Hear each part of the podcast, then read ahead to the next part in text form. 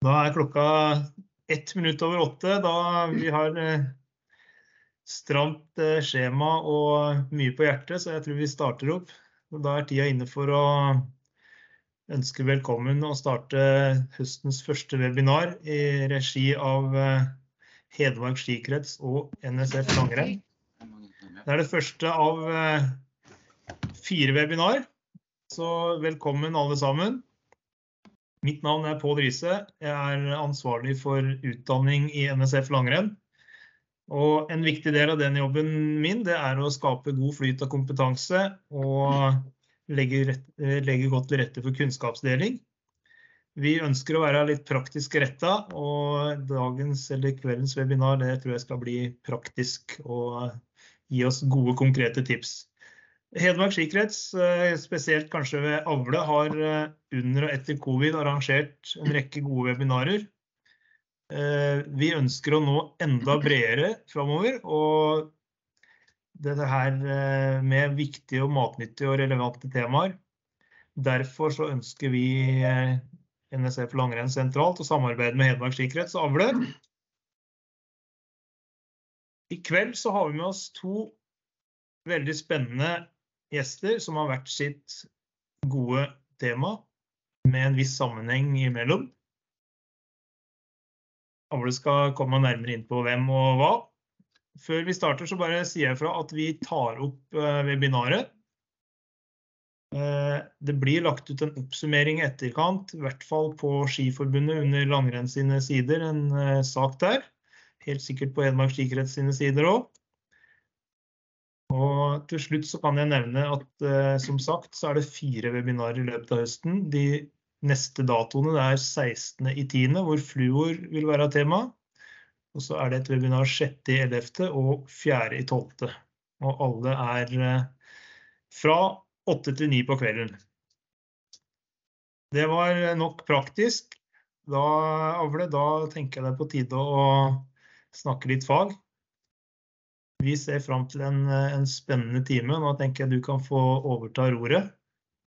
OK. Avle Kristen Bjørn heter jeg. Vi vil snakke om uh, Hedmark sikkerhets og de uh, webinarer som er uh, kjørt. Det starta vel egentlig når uh, koronaen eh, inntok landet i eh, mars 2020. de som er trenger mest anerkjennelse for det, er jo Mette Thorslund, som har vært styreleder nå helt fram til nå i sommer, og Håkon Olsrud. Vi setter jo veldig stor pris på, eller Hedmark skikrets setter stor pris på at uh, Skiforbundet vil være med og utvikle dette her uh, videre. For vi har jo uh, stor tro på at det å dele kunnskap og erfaringer, det kan være nyttig for å kunne nå nye mål. Så den er, eh, det er liksom noe av bakgrunnen her. Så eh, dette blir spennende. Eh, vi, har vel åpna også for at vi kan komme noen spørsmål underveis i, i kveld her. Og det stemmer ikke det, Pål? Du hørte ikke på akkurat nå, men? Det håper jeg vi får til, Avle. Og jeg skal følge med i chatten. Jeg syns vi kan bruke den. Så skal jeg prøve å smette inn med noen aktuelle spørsmål hvis det kommer noen underveis. Ja, supert. Det er mange faktorer da, som eh, veldig mange her i, i, kveld kjenner til, som påvirker prestasjonene våre. Eh, og trenere, jo, trenere, og utøvere selvfølgelig da, er jo veldig opptatt av at flest mulig av disse faktorene her å si, virker i positiv eh, retning. Det er liksom litt ideen. Og så er det gjerne eh, denne helheten som til slutt eh, blir avgjørende for hvordan resultatet blir. Og spennende gjester, sa du her. Og nå er det slik at Olympiatoppen Innlandet har utvikla en modell som skal hjelpe utøvere og trenere til å både se og kunne håndtere eh, noen av disse faktorene, eller faktorer som er knytta til den totale belastningen for den enkelte utøver.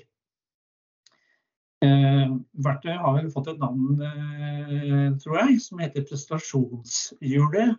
Eh, Og Ingvild Riise Midthun, som vi har med oss her, hun er fagkonsulent i Olympiatoppen Innlandet.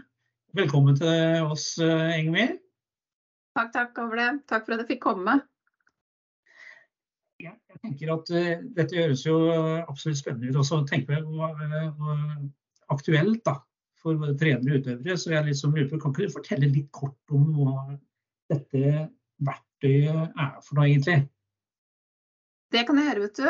Eh, det er som du sier eh, innledningsvis her, at dette er et eh, prosjekt som jeg sammen med gode kollegaer i Olympiatoppen Innlandet har nå jobba med i snart en toårsperiode, faktisk.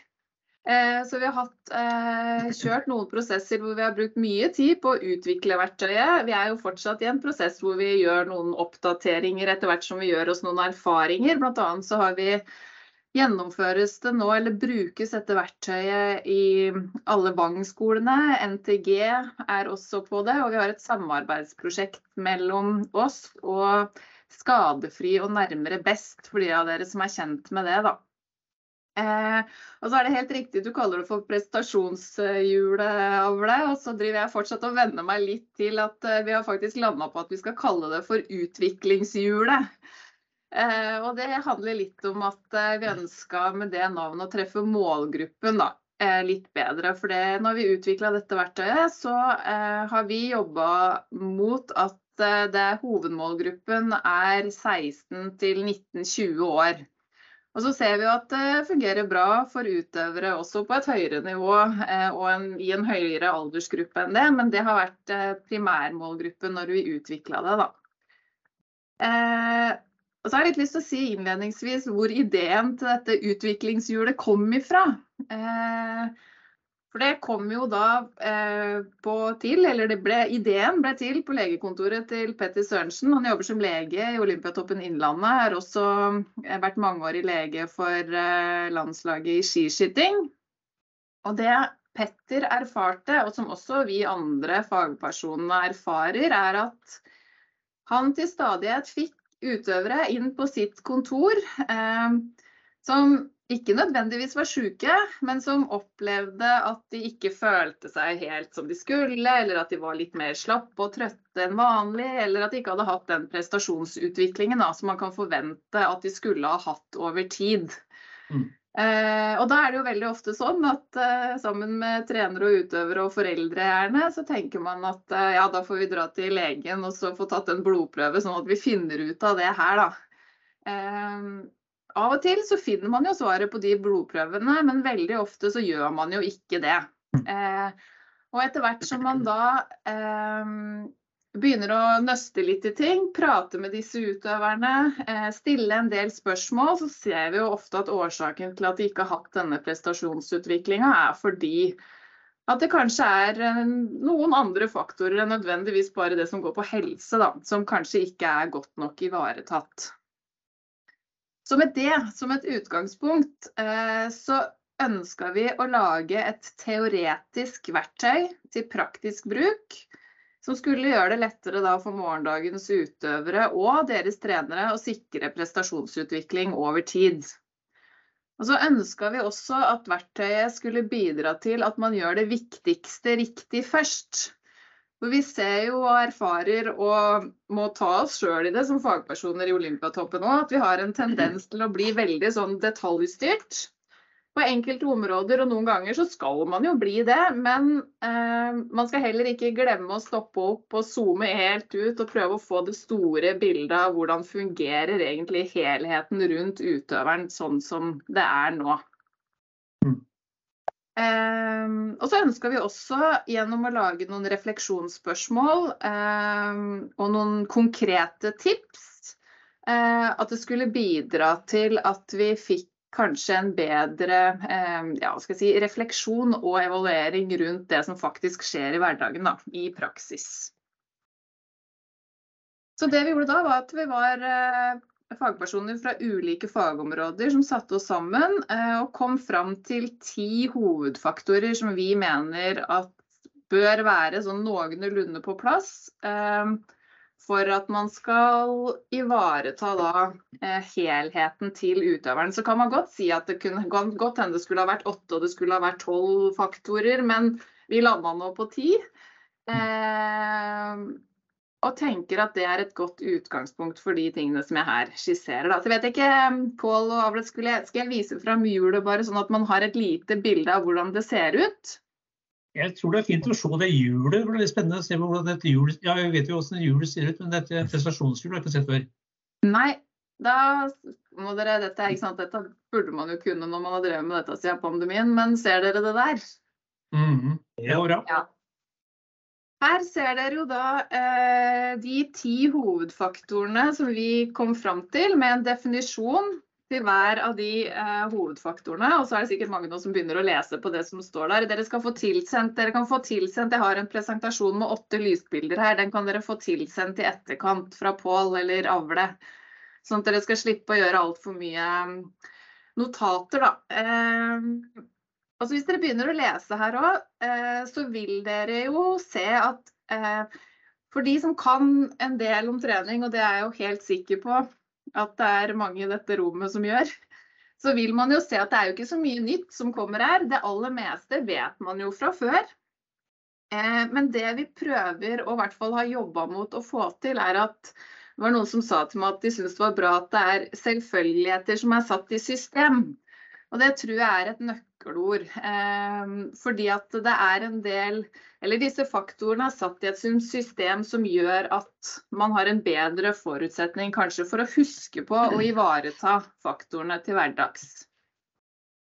Eh, og så er det jo sånn at vi har eh, gjort oss nå noen erfaringer eh, i forhold til hvordan det kan brukes i praksis. Eh, vi ser spesielt eh, vi har gode erfaringer med å gjøre det i forbindelse med trener-utøver-samtaler.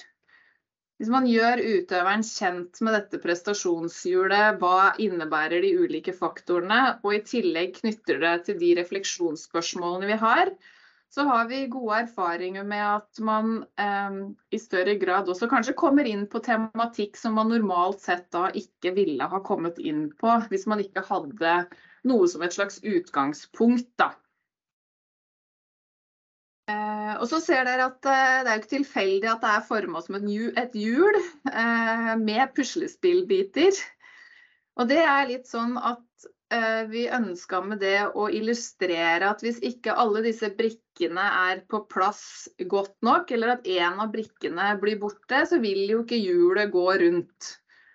Og at man da ikke klarer kanskje nødvendigvis å ivareta helheten til utøveren på sikt, da. Nå må dere bare stoppe meg underveis her hvis det er noen spørsmål eller det er noe som er, eh, er uklart. Ja de refleksjonsspørsmålene du nevnte ja. her, er det liksom det er sånn litt uh, veileder for, uh, altså, for trener-utøvere-samtaler? Nevnte du ikke det? Jo, det kan være Hvis dere ser den der nå. Ja. Uh, så er det det vi har tenkt med de, særlig i forbindelse med. Ja, ja, ja, når vi har brukt det i forbindelse med det, så har vi det vi har gjort, er at vi har gitt utøveren disse refleksjonsspørsmålene i forkant av den samtalen. Eh, sånn at de kan begynne å reflektere rundt en del av disse hovedfaktorene som vi mener at er, eh, bør være på plass. Da.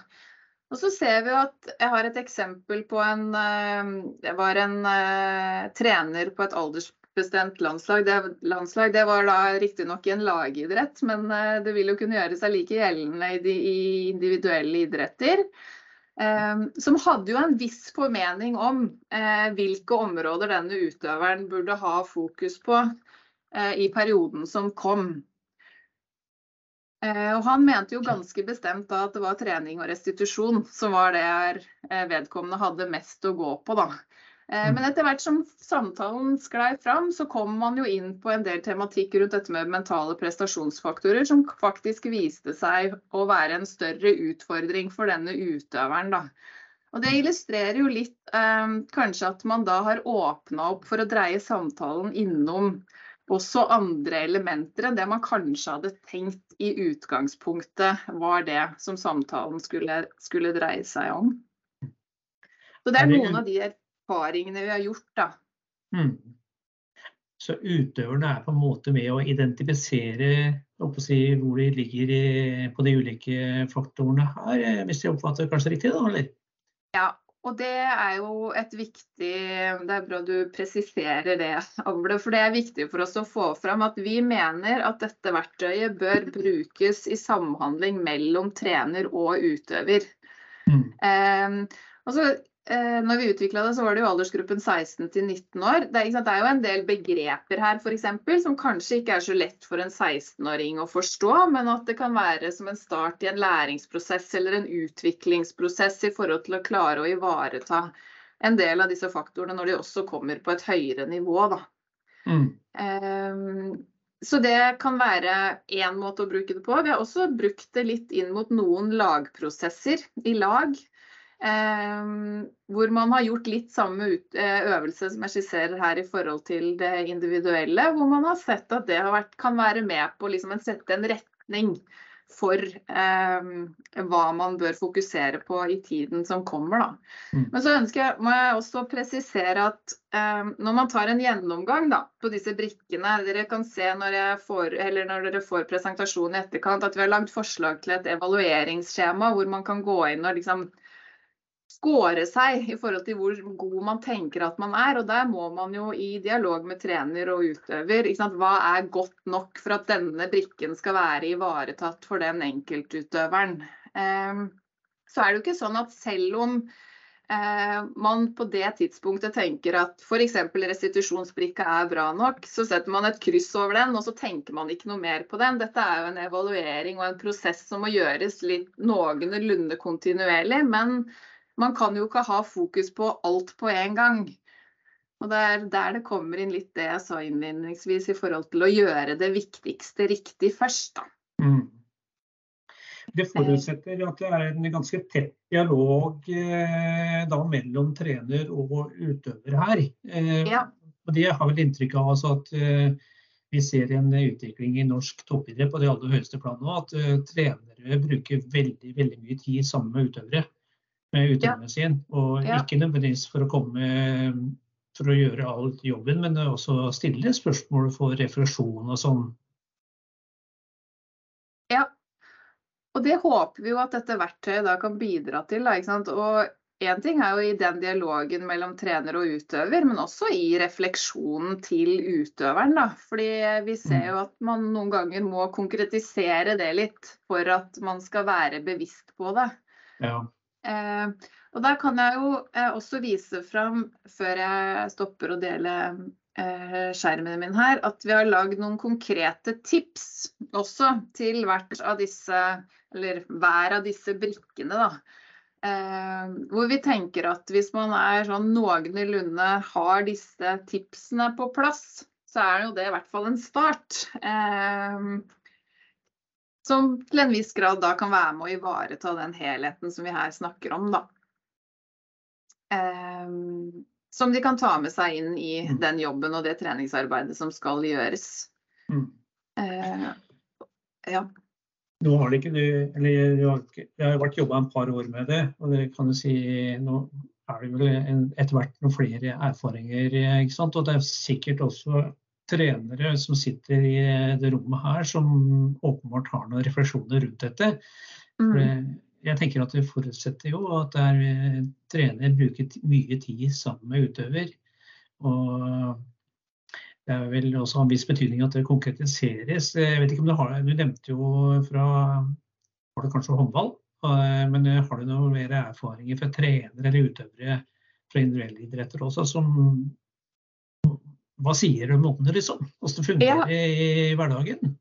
Nei, eh, det, vi, det, jeg kan si er at vi har jo Ja, det var jo en lagidrett i forhold til det, men en annen eksempel da, som jeg ofte trekker fram i den sammenhengen her, som jeg har fått lov til å bruke, det er jo Mikko Kokslien, som sikkert mange av dere kjenner godt. Han er jo også kollega med meg på, i Olympiatoppen Innlandet nå. Han sier jo Eh, som jeg på en måte syns illustrerer det godt. Da. Eh, han sier jo at eh, det var jo et tidspunkt eh, i karrieren hans hvor eh, rammebetingelsene hans ikke var på plass i forhold til det med økonomi, f.eks. Ja. Og det han kjente i forbindelse med det da, var jo at det gikk så langt eh, at det begynte å gå utover eh, restitusjon i forhold til søvn, som igjen begynte å gå utover treninga, som er en annen brikke. At liksom det konkrete rundt det gjorde at det etter hvert begynte å gå utover de andre brikkene i det hjulet, da.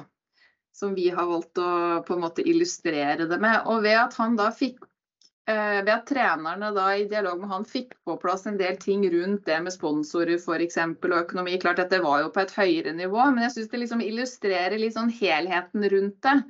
At på en måte Ofte så ville man jo i det tilfellet ha begynt å tenke sånn ja, hva er det vi gjør feil på treninga som ikke på en måte fungerer? At man hadde begynt i den enden. da. Men ved å nøste opp i de tingene her og få Mm. det på plass, så falt også de andre brikkene litt på plass.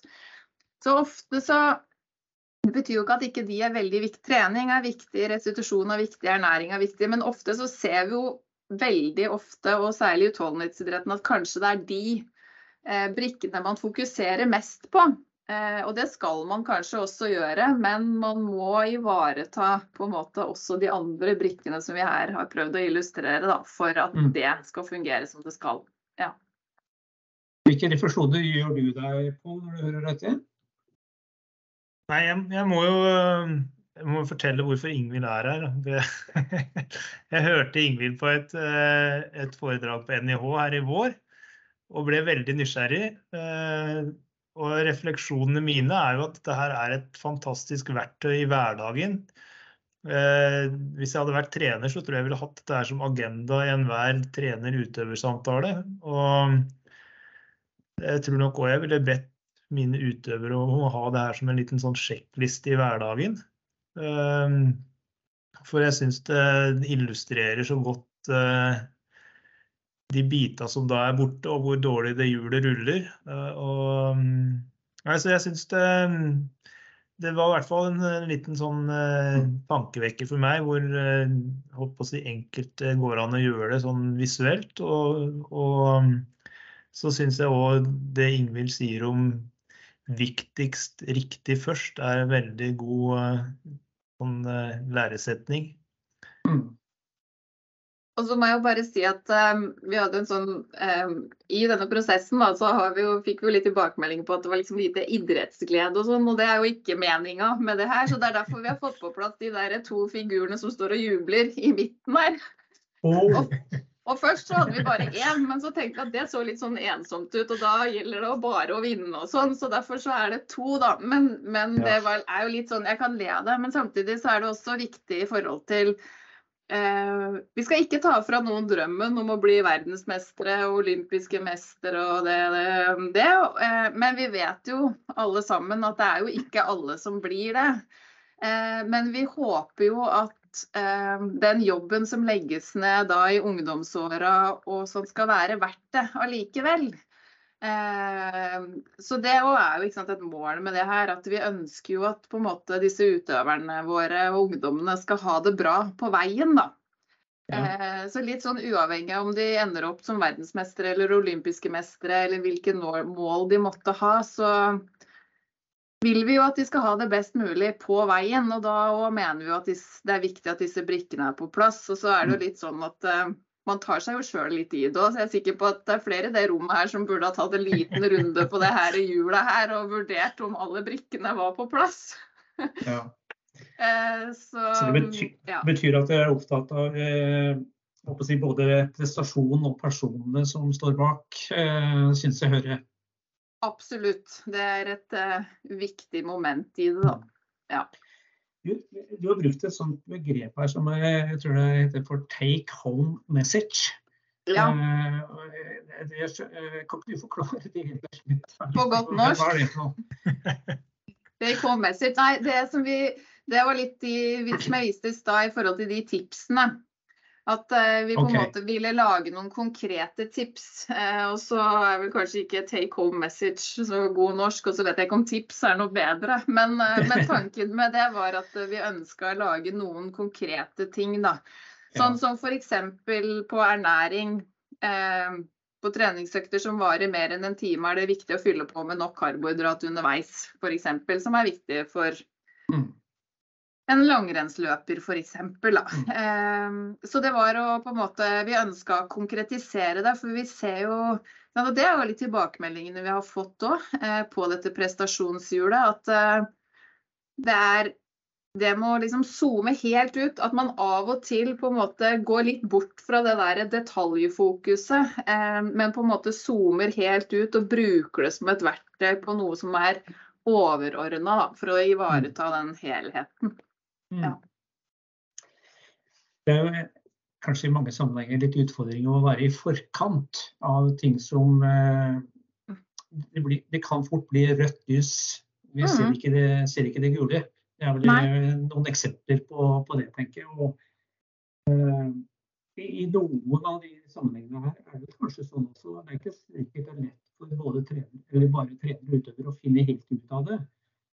Eh, du nevnte jo at Petter Peter Sørensen, legen også, har vært med Ja. det. Er jo sånn sammensatt det her. Men det trenger vi ikke gå så mye inn på nå.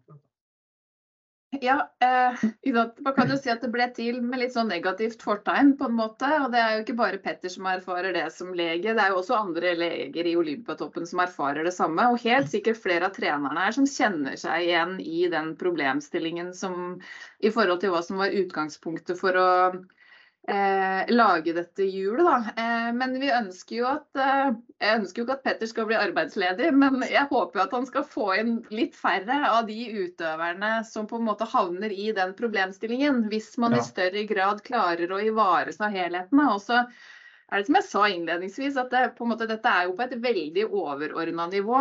Så man må jo på en måte i perioder gå mer i detalj på hver av disse brikkene.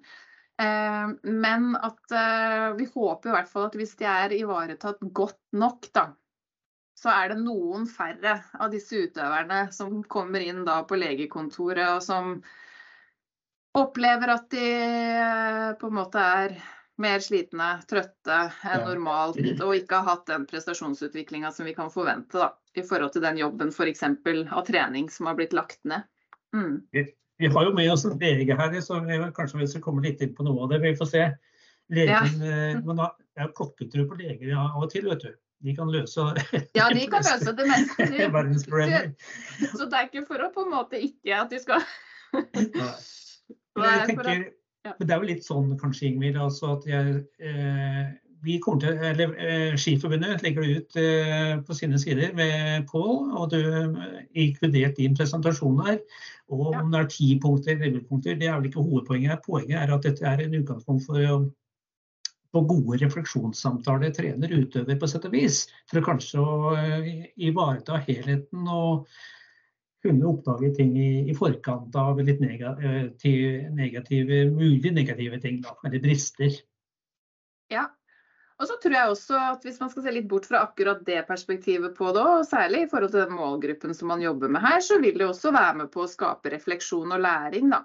Eh, og et Ja. supplement i en evaluering som også er viktig i på en måte den utviklingen til utøverne i forhold til eh, ja, egentlig uavhengig av hvor de skal nå, men at eh, det bidrar til litt mer refleksjon og bevissthet eh, rundt en del faktorer som er viktige, og at det er ivaretatt.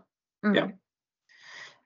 Du, eh, hjertelig tusen takk for at du eh, bidrar nå. Eh, det er mulig at du kan være med videre, men vi, vi kan kanskje høre mer fra deg ved en senere anledning.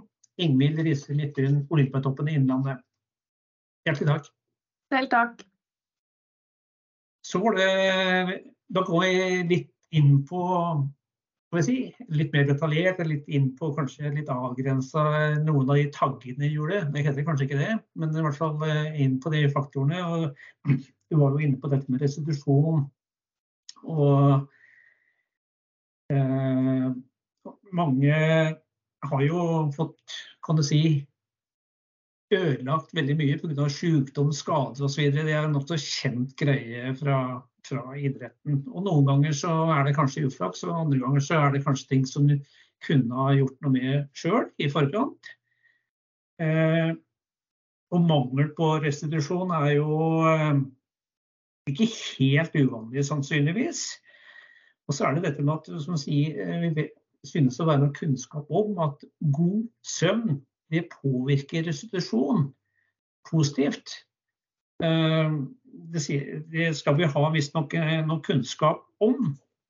Og en av de som har mye kunnskap om dette, er eh, tidligere eliteløper i langrenn og nå lege innenfor ski, norske skilandslaget. Velkommen til deg, Remi Andersen. Takk for det. Skal vi starte med å si hvor, hvorfor er det så viktig med, med nok søvn, egentlig? Den...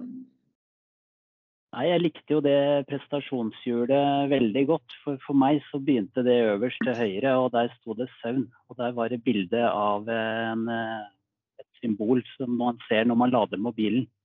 Jeg tror uansett hvor god kropp eller mobil man har, så virker den ikke hvis man ikke lader batteriet om kvelden. Så enkelt sagt så er det på en måte utgangspunktet mitt for en god dag og gode prestasjoner. Hmm.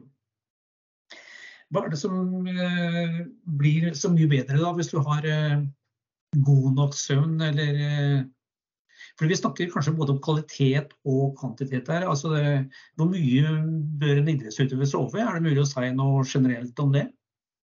Ja, det det syns jeg er veldig spennende. For det første jeg gjør når jeg får nye utøvere inn på landslag, som jeg har fulgt nå i sju år, eh, særlig junior- og rekrutt- og parautøvere, det er å spørre dem bl.a. om dette med søvn. Og det er en veldig gjenganger at søvnen der er betydelig bedre enn hvis jeg spør de som ikke driver med langrenn. Mm -hmm. Og jeg tror eh, i snitt så legger de landslagsutøverne seg rundt klokka ti om kvelden og sover til rundt halv åtte-åtte. Hvis du regner da, så har de godt rundt ni, timer søvn hver natt. Ja. De beskriver da stort sett veldig god søvn. Og det er nesten sånn at jeg kan sette opp resultatlista før sesongen ut fra hvordan de beskriver søvnen sin. Såpass, ja. ja. Det tør jeg påstå. Så, så hvis du sover, hvis du er juniorløper, 18 år juniorløper i langrenn her nå, og sover åtte timer, eller eventuelt en litt mindre, så sier du at det er for lite. Er det det du sier?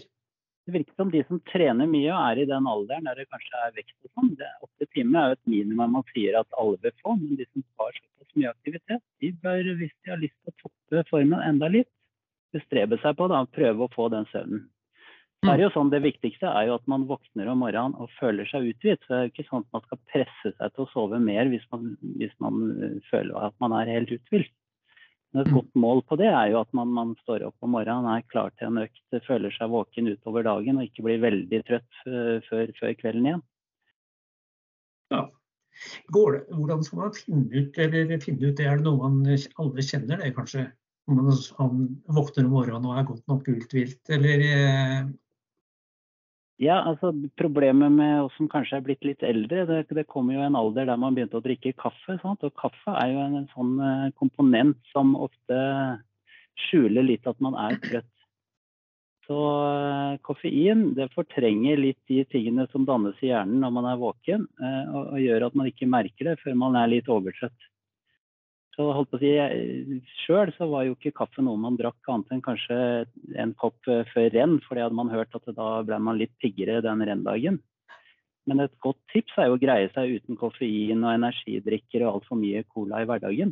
Da får man egentlig veldig god respons fra kroppen om man er trøtt og sliten utover dagen, og kanskje heller bør gå slappe av en halvtime midt på dagen eller på ettermiddagen. Mm. Hva er det som eh, først og fremst eh, blir bedre når søvnen er tilstrekkelig god? For meg som lege, da, sånn som du var litt inne på, så er det jo det at jeg er jo egentlig en lat lege og vil ha minst mulig å gjøre. Så jeg liker mye bedre det å forebygge sykdom enn å behandle sykdom. Mm. Det aller viktigste i forhold til å trene er jo å holde seg frisk.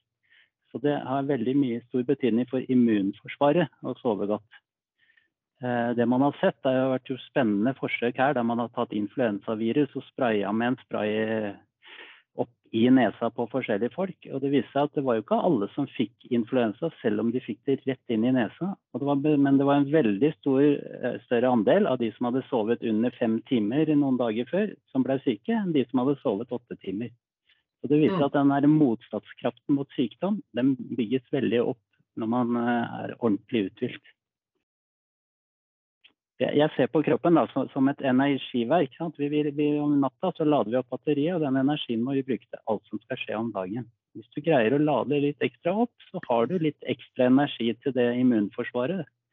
Mm. Eh, som når du trener, kanskje går, går, det meste av energien der. Så det er viktig å ha litt sånn ekstra energi til de andre prosessene som er viktige i kroppen. Mm. Og det er det søvnen gjør. At den gir deg overskudd til å skru på alle appene. Da. Hvis du ser på kroppen som en, en, mobil, så kan du bruke alle på en gang. Mm. Det er jo sånn at faktisk kan mener, Hvis du går ut og trener og ikke har nok søvn, at du utbyttet blir ikke helt det samme. Eh, det er kanskje vanskelig å si noe om det, litt avhengig om det er utholdenhet, styrke eller eh, tekniske ting kanskje. Men eh, hva tenker du? Jeg tror kanskje de fleste, hvis de tenker seg om, har hatt, kanskje vært litt seint oppe eller vært ute en kveld og, og skulle opp og ha en treningsøkt dagen etter. Og jeg vil tro de fleste kjente at det var ikke den aller beste treningsfølelsen de hadde den, den dagen. Eh, så ja, eh, det man har sett også i studier, er jo at sjansen for fysiske skader, altså muskelskader, strekk og sånn, øker også med hver time man sover mindre om natta fra det anbefalte. Eh, og så er det jo det med det psykiske, motivasjon og overskudd. liksom eh, Lysten til å trene. Der, shit, nå, jeg, nå, må jeg ut, for nå har jeg så mye energi. Den også ja. blir jo gradvis mindre hvis man over tid eh, kommer litt i søvnunderskudd. Vi, ser, vi har inntrykk av at eh, kan du si, utøvere på et veldig høyt nivå i langrenn, eh, langrenn f.eks., som trener to økter om dagen og vel mer eller mindre heltidsutøvere, eh, som ofte har inntrykk av legger inn en halvtime eller kanskje mer med søvn også på dagtid. Mm. Er det fornuftig? eller er det noe du anbefaler òg, eller? Sjøl har jeg veldig god erfaring med det. og Det er jo som du sier, det var jo min erfaring. og Særlig på samling der det trenes ekstra mye, så er jo det en fast rutine. At de fleste passer på å få en halvtime, time søvn midt på dagen. Mm. Og Det har jo kommet fram i media òg, at noen av de aller beste utøverne i verden, sånn som Usain Bolt, sa jo det at før hver finale om kvelden så gikk han og, og sov en, en liten dupp på ettermiddagen. fordi da følte han seg virkelig topplada. Eh, Haaland sier jo det at søvn er det viktigste i verden. Petter Northug sa på, det, på sitt beste sov en 13 timer i døgnet. Han var jo en sånn som kunne være flink til å slappe av når vi kjørte buss eller eh, det var en mulighet for det, så duppa jo han litt av på dagen òg. Det tror jeg er veldig bra, med mindre det blir sånn at søvnen blir litt for sein på kvelden. At det går utover det å få sove om natta. Da, da, må man kanskje prøve å justere litt på når man sover, og hvor lenge. Så det er ikke likegyldig når du sover, altså?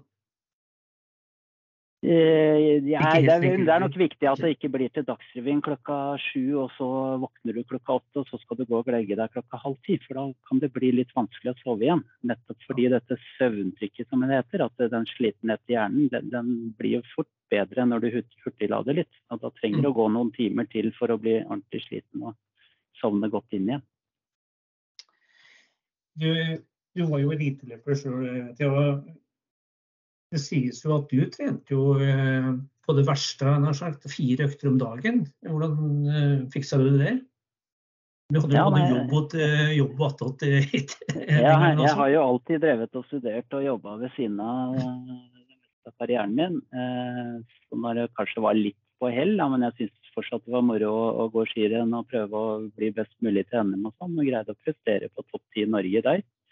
Så, så jobba jeg i Forsvaret, sykla knallhard økt til jobben og trente styrke i lunsjen og sykla hjem. Og så var det jo eh, intervalltrening på kvelden. Og der var det litt interessant. Jeg kunne komme hjem fra jobben i fire-halv fem-tida og ha en time til jeg måtte dra på trening. Da var det om å gjøre bare få i seg litt raske karbohydrater. Og det beste var eh, rett og slett litt godt med iskrem og eh, ja, gå, og da, og så gå og legge seg en 20 minutter, 25 minutter. Da pleide jeg å vinne treningene på kvelden. Hvis jeg ikke fikk den duppen, så var jeg desidert sist. Og det var liksom så ekstremt forskjell på det å nesten ikke orke å bli med på trening, til å være ja, slå alle de andre på treninga. Ja, for det, det, er jo en utfordring eh, når du er i junioralder, så går du gjerne på videregående skoler. Og nå går jo veldig mange, men ikke alle. Eh, absolutt ikke alle går jo på videregående skole eller tilrettelagt med energigymnas eller altså når du har trening, organisert trening i skoletida osv. Men det er jo lekser der, og der alle disse tingene er eh, Dette med å kombinere og er du er ferdig med videregående, hva skal du gjøre? Skal jeg bare satse på ski? Skal jeg drive med studier? Eh, det er ikke noe jeg skjønner at det ikke er så lett å ha noe fasitsvar på det, men har du noen refleksjoner om det? Du har jo erfart mye sjøl og, og, og, vært tett på veldig mange utøvere som er nettopp i denne situasjonen. Nei, jeg tenker Vi har jo alle samme antall timer i døgnet. og Hvis du trener fire timer hver dag, så er det en god del timer du, du, du kan bruke til andre ting i løpet av dagen. Der, der, tror jeg det gjelder å prøve å finne det man syns er litt motiverende. Da. For min egen del så syns jeg det var innmari gøy å lese medisin. Og jeg greide å lure meg unna eh, noen av disse her obligatoriske, eller få flytta de. Sånn at eh, det gjelder jo å få tilpassa det sånn at det passer med treninga. Men jeg tror det jeg, jeg, ser liksom ikke det der at man ikke skulle kunne lese litt fag ved siden av og ha det litt gøy med det. For det, når jeg var ute og trente, så ble jeg litt sånn kreativ og kom på noen spørsmål om det jeg leste, og så måtte jeg inn og sjekke det i boka. Når du satt med boka, så var det jo deilig at nå, nei, må jeg ta meg en treningstur. Så, så det er bra. Jeg tror jo på det å ha en kombinasjon. Nå kjørte jeg kanskje litt tøft løp, og det jeg tenkte på etterkant. Jeg mangla det aller siste, kanskje. Og det var jo kanskje at noen av de dagene jeg måtte skynde meg til eh, en forelesning og sånn, så blei det ikke den muligheten for en liten uh, halvtimes hvil på dagen. Kanskje var det mm. det som var det der aller siste. For jeg kan ikke egentlig finne noe annet uh, noe minus enn det jeg gjorde, men jeg lurer på om det. Det hadde vært spennende å få, få en ny sjanse på det. Da hadde jeg gjort det. Ja, ja ha en liten dupp midt på dagen litt oftere når jeg først var hjemme. Mm. Men de løperne som er på landslag som du er tett på nå, da, enten det er junior- eller rekrutteringslandslag eller også paralandslaget, eh, hva gjør de? Eller si, hva, i den grad du anbefaler noe, eller eh, hva slags dialog har du med dem i forhold til det å få nok prestasjon og, og trent godt nok, liksom? Nei, jeg, er veldig opptatt av det. Når det gjelder søvn, da, så, så, er det egentlig gode rutiner. Det er det det handler om. Og mange har en vekkerklokke, men de burde heller ha en leggeklokke. At de burde legge seg til samme tid hver dag. Da mm. er kroppen vant til å sove på den tida, og det går mye lettere. Mm. Og som sagt, Det syns jeg veldig mange av de utøverne som presterer bra, de er flinke til det. Ja. Der tror jeg kanskje mange andre som ikke skjønner, de trener mye og de føler de er med på de samme treningene som de på elitelaget. og de de henger med, liksom, men likevel så mangler de litt på prestasjonen. Da kan det jo være interessant å se, da. Er jeg like flink som de til å sove? Og kanskje få en liten hvil på dagen òg, hvis de har mulighet. Dette høres ut som uh, råd, eller skal vi si tips. Jeg, jeg, mener jo også at du har en del helt konkrete tips, uh, flere. Det kunne jo vært litt uh, nyttig å høre. Det kan jo være mm. at noen av de tipsene her er rett og slett det treffer noen som kan ha glede av det. Ja. Ja, nei, det, det, første jeg sa, var det jo det der med regelmessighet. Prøve det. Og det andre ja. er jo liksom disse tidstyvene om kvelden. Altså en skjerm eller noe. Man skal bare sjekke litt nyheter og regne med det tar fem minutter. Og jeg kjenner meg sjøl at plutselig så er det gått en halvtime. Det er nå én ting, men det er jo også dette med det blå lyset fra skjermer. Det blå lyset er på en måte det som kommer om morgenen, som er laget for å få oss til å våkne. Og det som skjer Hvis man ser for mye på, på skjerm om kvelden, så utsetter man den utskillelsen av melatonin, som er det hormonet som skilles ut når det normalt blir mørkere. Som gjør det mye lettere å sovne, og som er med på å liksom, ivareta en god søvn om natta. Så å se mye på blå skjerm, så forskyves det, og det blir vanskeligere å komme inn i søvnen om natta. Eh, en annen ting som jeg eh, personlig merker stor forskjell på, det er jo hvor varmt man har det på soverommet. Det var en sånn evig krangel når vi var på samling om man skulle ligge med åpent vindu eller lukka vindu. Og historien eh, fortalte jo at Ove Aunli skulle i hvert fall ikke ha vindu igjen og lå der med, med snø på brystkassa, og da så han godt. Så det er et poeng å ikke ha det for varmt på soverommet. Og det man har sett, er jo at en ideell temperatur er mellom 16 og 18 grader. Gjerne med god og frisk luft. da. Mm. Så tror jeg veldig på det sjøl, som er litt sånn var for lyder. Men det å bli vant til å bruke, eller bruke litt øreplugger, hvis, hvis man opplever det, at man ofte våkner om natta kanskje av en lyd eller, eller litt lyder, Mm. Eh, og særlig i den perioden man skal sovne inn, så er det viktig å få fred. For da er man, før man går inn i god søvn, så er man litt var for å våkne hvis det kommer en annen inn i rommet eller bråker eller, eller sånne ting. Så det et godt par øreplugger, det er ikke dumt. Så er det det å få det mørkt på rommet. ikke sant? Det, det er noe med det lyset. Hvis man har på sommerstid, så er det mye vanskeligere å sove til klokka ni om morgenen, for da er det lyst klokka seks hvis man ikke har ordentlig gode gardiner. Disse skjermene, de blå, det blå lyset og de skjermene du snakker om her, eh, mobiltelefon, iPad Mm. osv. Eh, det er kanskje noen som drar med seg de eh, helt inn i siste de gjør før de sovner, eller legger seg? Eller? Det er jo det. Det er jo blitt sånn vi lever, egentlig. Ja. Da man liksom sjekker litt om det er det kommet noen morsomme meldinger i dag, eller er det noen jeg har glemt å sende meldinger til, og, og, og sånt. Og det er jo kanskje noe av den sterkeste anbefalingen å prøve å, å unngå å ha det på soverommet. Ikke minst er det så fristende hvis man våkner og blir liggende ett minutt, som i gamle dager var veldig kort tid å være våken. Så ligger telefonen ved siden av, så er det fort at jeg kan bare sjekke litt. Grann. Mm. Og så går tida veldig fort, og ikke minst får man plutselig mer lys inn på øyet. Så ja, eh, klarer man det, å ha det ute, ikke bruke det på soverom, så tror jeg det er mye gjort, faktisk. Heller ta med seg en god bok. Jeg tror på det å, å komme inn i en historie som er litt sånn langsom, og én historie, framfor å lese 100 nyheter som gir masse assosiasjoner. Ja, det var Mm. nesten riktig. Sånn, på kvelden, da begynner hjernen liksom å ja, det, ja, det var spennende, og så begynner du å tenke og, og bli kreativ, men du har egentlig lyst til å roe ned. Så tilbake til den gode, gamle romanen. Analog. Okay. Dette, det, det handler jo litt om å gjøre det, da. Hvis du skal vi høre på deg nå, så ja. mo, eh, mobil, iPad, få det unna. Sant? Boka, litt dempa belysning. Rolig musikk kanskje, det kan vi heller ta fram. Men, men hold mobilen langt unna, altså. Og da Mm. må du gjøre det. Men eh, hører eh, folk på det, eller er det fordi at eh,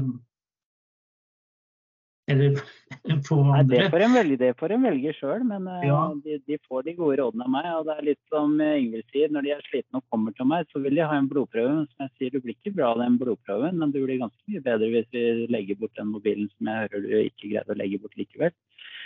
Så, Folkens, dette, dette, dette må jeg notere her. Dette tror jeg er eh, går inn i ti bud, det her, eh, Remi. Så eh, jeg håper du har rett, og takk skal du ha. Og det siste jeg må si, da, det er det med koffein.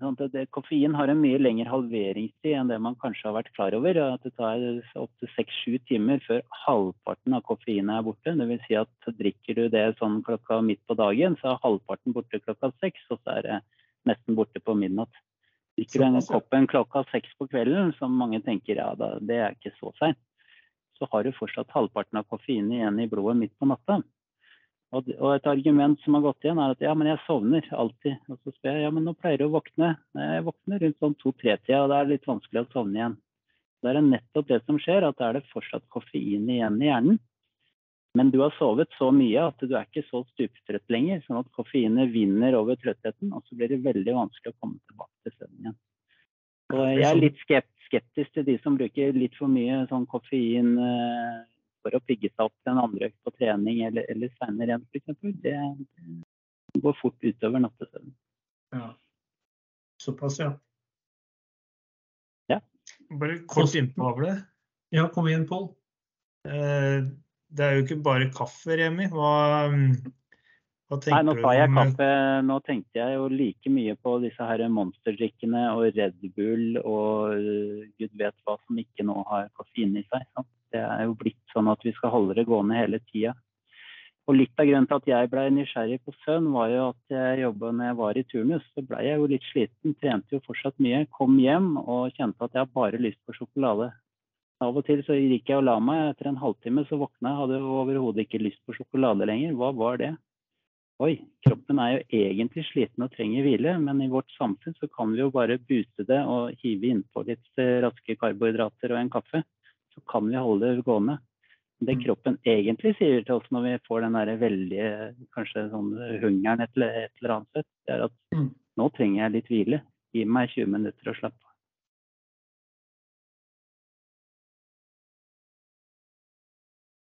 Bra.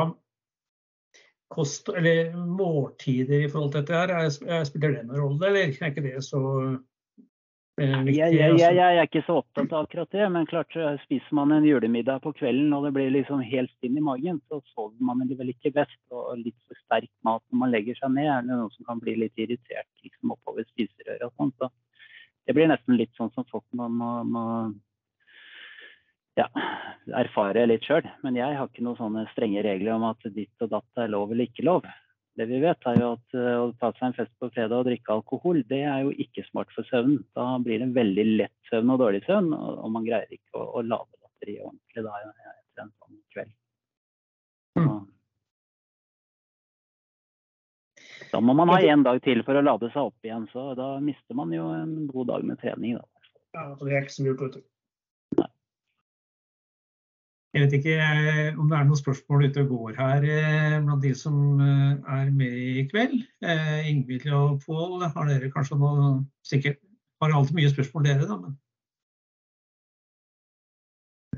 Nei, jeg har jo stilt ett, og det fikk jeg jo et godt svar på. Og så er det veldig stille i chatten. Det er både Ingvild og Remi kan helt sikkert svare på gode og mindre gode spørsmål her. Alle, ingen spørsmål er dumme, så um, det er bare å fyre løs de minutta vi har igjen, tenker jeg, da. Mm. Eh, Jeg hadde ett eh, Det er kanskje ikke noe spørsmål, men litt sånn eh, apropos. vi snakker jo mye om rollemodeller, og nå, henvender vi oss kanskje først og fremst til idrettsutøvere her og trenere. Men jeg har nå vært eh, både pappa og er jeg nå for så vidt, og trener sjøl. Og det er vel ikke alltid de trenerne går og legger seg tidlig, Remi. Og det er kanskje ikke alltid foreldra går og legger seg tidlig heller. Det, det gjelder vel kanskje flere, dette her. Ja, nei, det er vel fort i hvert fall når man er på renn og samlinger og sånn, så blir det jo at det skjer mye i løpet av dagen. Og så skal det være et kveldsmøte, og man skal oppsummere litt og planlegge neste dag. Så ja, jeg har sett veldig mange slitne trenere etter fem dager på samling.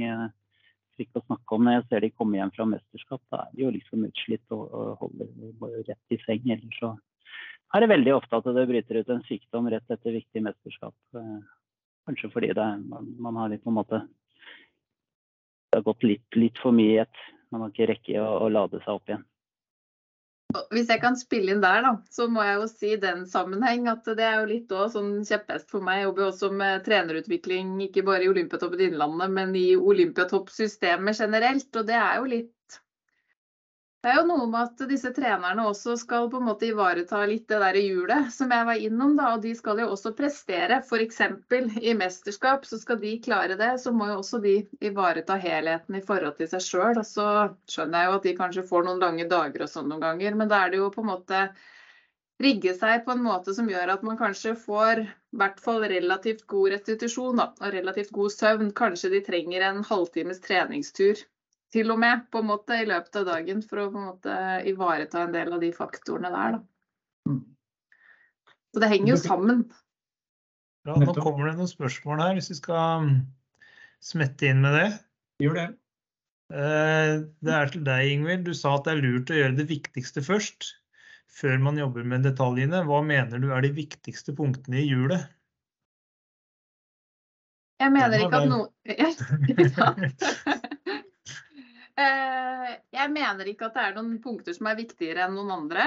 Eh, Men så vet vi jo at det er, hvis jeg skal si litt sånn, vi vet jo at det er noen eh, av de punktene som er av eller større betydning i noen idretter enn noen andre. Men det er litt av grunnen til at vi på en måte ønsker at det her skal være en dialog mellom trener og utøver. For det vil også kanskje være litt individuelt og dynamisk. Og endre seg litt gjennom sesong og endre seg litt eh, fra individ til individ. Så jeg synes ikke noen av eh, punktene er viktigere enn andre. Men når jeg sier å gjøre det viktigste riktig først, så mener jeg at man må kanskje få et overblikk eh, og gjøre en kartlegging på hvilke av disse elementene da, er det som på en måte kanskje er dårligst ivaretatt, eller som det er viktigst at vi på en måte er bevisst på og tar tak i i den perioden som kommer nå. Om det er én av de brikkene, eller om det kanskje kan være to eller tre, det er jo en eh, vurdering som man må gjøre. Men eh, med det så mener jeg at eh, man må ha en formening og gjøre seg opp en status på hvor er det det kanskje ikke er godt nok der hvor vi er nå, da, i forhold til hva det burde være. Hvis det var svar på spørsmålet. Mm. Det får Ulf Erik Strand uh, vurdere sjøl, men jeg ja, det det, hørtes bra ut.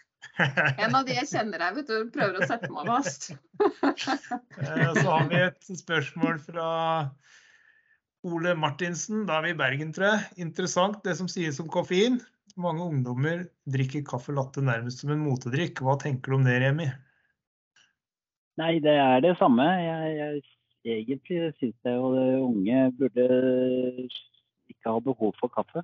Eh, For det er jo trist hvis man begynner å bli trøtt allerede i den alderen. eh, At det kommer når man får barn som man må opp og passe på og sånn. Da blir det ofte litt mer kaffedrikking.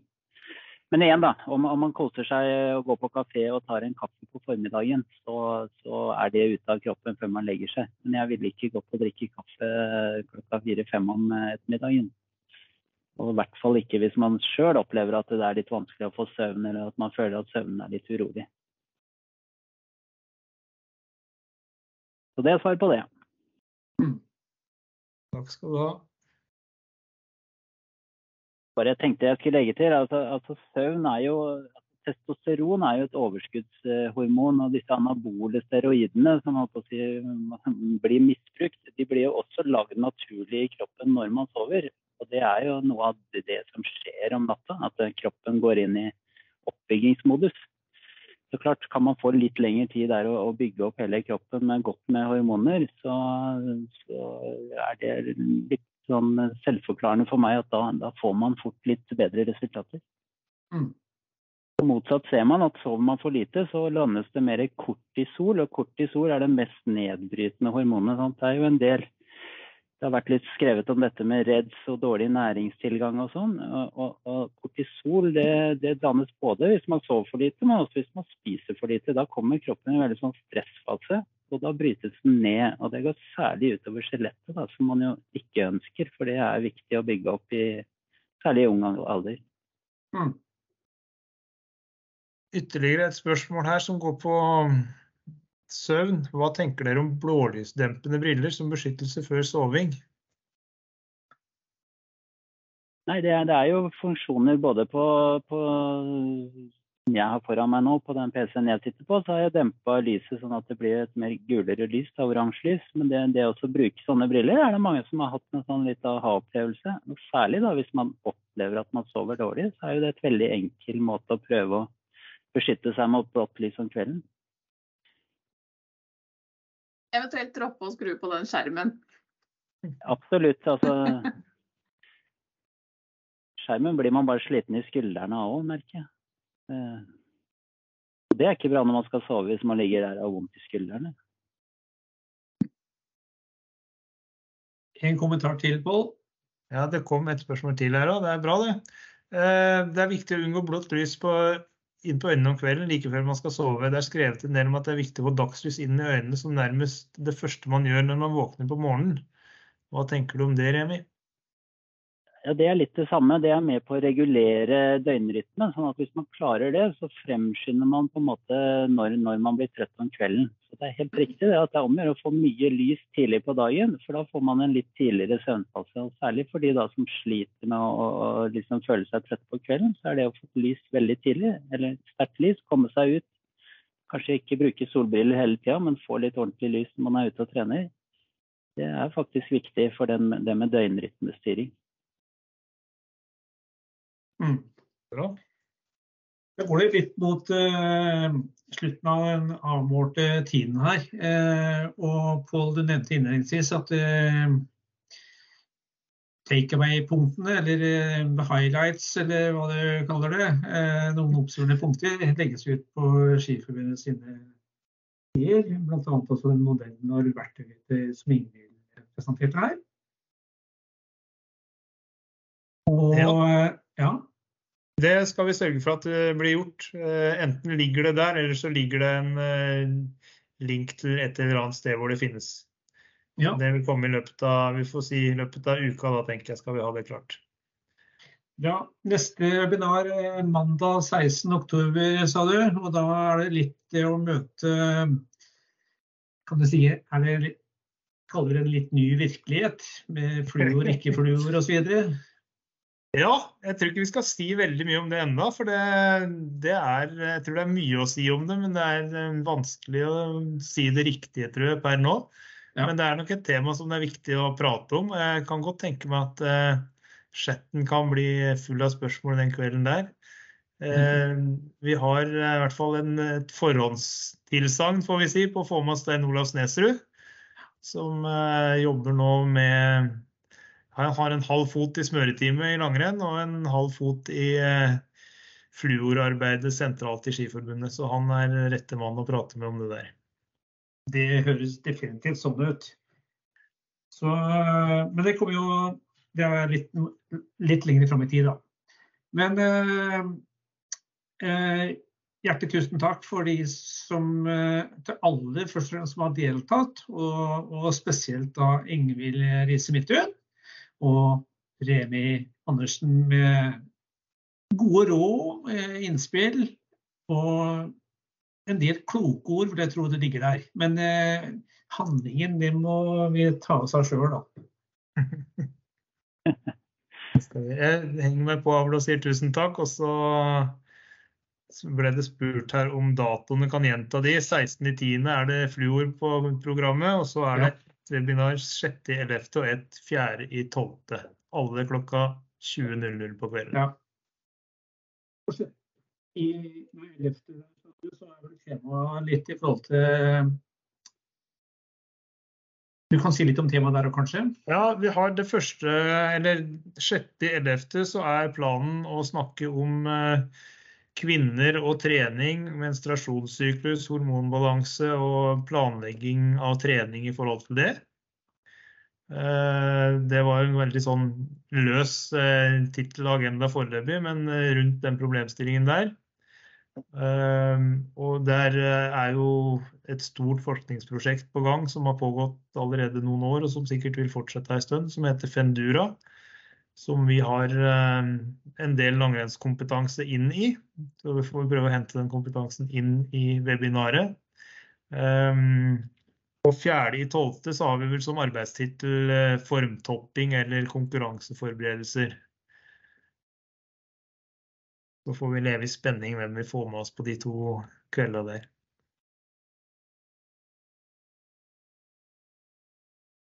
Nå ble du muta, Avle. Eh, det var helt feil. Det var Beklager. Eh, da tror jeg vi rett og slett eh, gjør det sånn ja, Pål, at vi takker alle sammen for eh, frammøtet. Så høres vi forhåpentligvis eh, utover høsten. Takk i like måte. En fin kveld. Ha det godt, folkens. Ha det bra. Ha det.